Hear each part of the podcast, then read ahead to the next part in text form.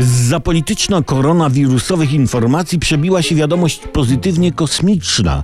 Chińczycy chcą pobić Amerykanów jako pierwsi wysłać załogową misję na Marsa. Rosjanie, e, pamiętam, też kiedyś chcieli, tylko oni twierdzili, że tej w trzyletniej misji, bo tyle ona by trwała, nie mogą wziąć udziału kobiety, bo ich obecność pogorszyłaby atmosferę wśród załogi. Jawna dyskryminacja, której mówimy nasze gromkie nie. Nie.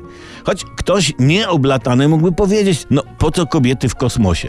No bo leci sobie rakieta na Marsa, a tu kobiety mówią, no dobra, ale dlaczego lecimy na Marsa, a nie na Wenus, nie? Co takiego ma Mars, czego nie miałaby Wenus?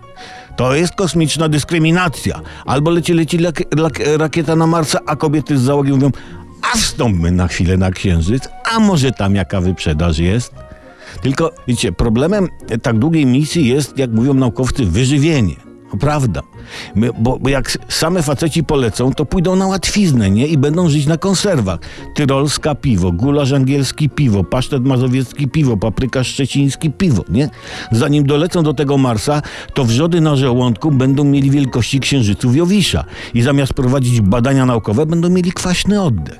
No a, a naczynia, zmywanie, mnie kiedyś żona zostawiła na dwa tygodnie i w zlewie powstało nowe życie.